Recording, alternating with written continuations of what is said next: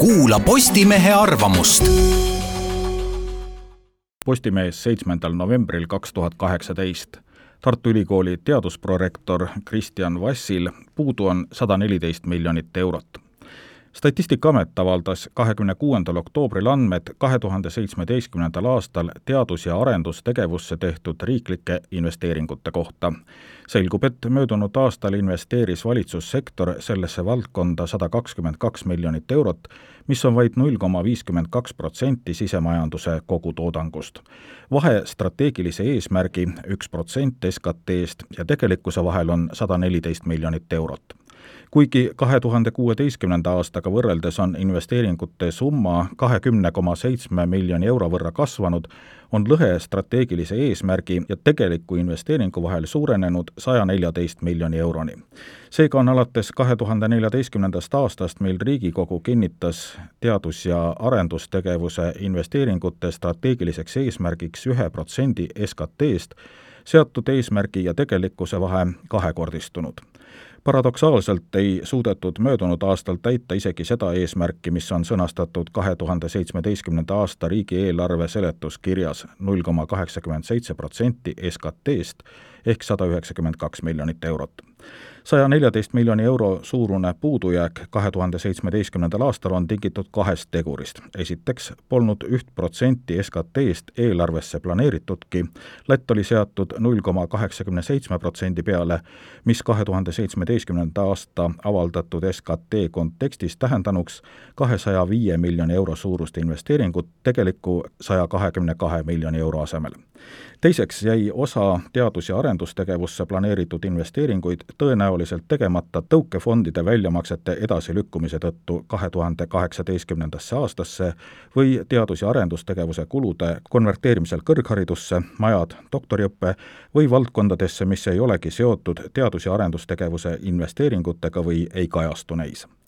igal juhul on puuduv sada neliteist miljonit eurot liiga suur, et süüdistada selles ainuüksi aruandlusvigu. tegemist on kombinatsiooniga vähesest haldussuutlikkusest ja süsteemsest alarahastatusest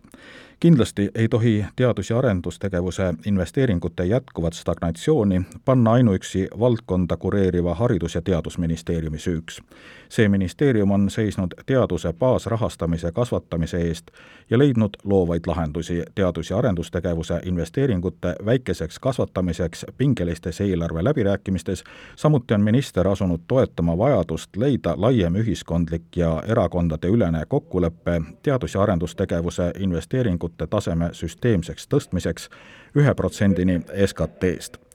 Küsimus on, kas ka teised ministeeriumid on teinud kõik endast oleneva, et nende eelarvesse kavandatud summad oleks aegsasti kasutust leidnud ning et teadus- ja arendusasutused võiksid planeeritud tegevusega alustada. eitav vastus sellele küsimusele selgitab osaliselt kaheksakümne kolme miljoni euro suuruseks akumuleerunud erinevust riigieelarve plaani ja tegeliku investeeringu vahel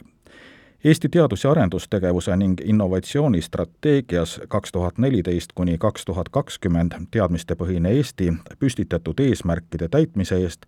vastutavad ka ettevõtlus- ja innovatsioonipoliitika kujundajad, kusjuures eelmise perioodiga võrreldes on ettevõtete teadus- ja arendustegevustoetusi tublisti ümber kujundatud siiani pole kahjuks veenvat tõestust, kas ettevõtete teadus- ja arendustegevuse toetuste oluline vähendamine riigi ettevõtluspoliitika portfellis oleks andnud varasemast paremaid tulemusi. muidugi võib öelda, et eesmärk ei ole mitte raha kulutamine, vaid ettevõtete arendusvõimekuse suurenemine. paraku ei paista see parem võimekus uuenduslikust ilma toetusrahata innovatsioonipoliitikast hoolimata kuskilt välja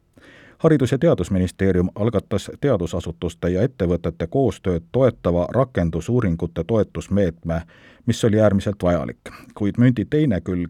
on ettevõtete teadus- ja arendustegevuse toetuste vähenemine Majandus- ja Kommunikatsiooniministeeriumi ning Ettevõtluse Arendamise Sihtasutuse ettevõtlustoetuste portfellis ehkki viimase aasta jooksul on teaduse rahastamisest palju räägitud, viitavad tõendid eeskätt just süsteemsele probleemile. teadus- ja arendustegevuse investeeringute teema triivib omaniku ja vastutajate valitsuse ja ministeeriumide vahel.